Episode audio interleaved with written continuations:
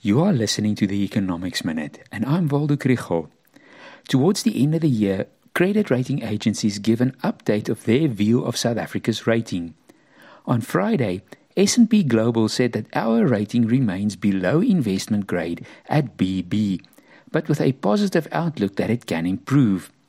So how does this affect each of us?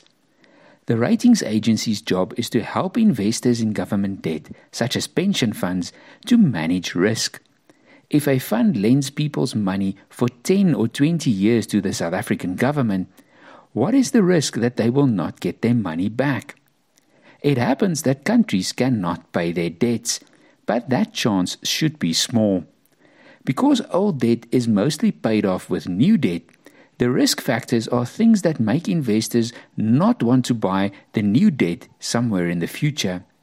The ratings agencies become concerned when the economy grows too slowly and when the budget deficit that must be financed each year becomes very large.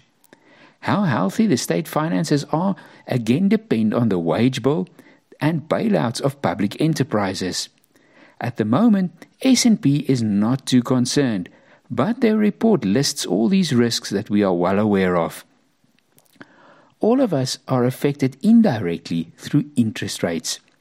A weak credit rating means that the government has to offer a high interest rate on their debt to get investors to buy it.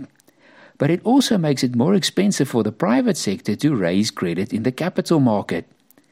A better rating and a positive outlook helps to lower interest rates over the long term and increase investment. Investment is good for growth and growth for job creation. This means that the government must do everything in its power to continue to manage the public finances conservatively.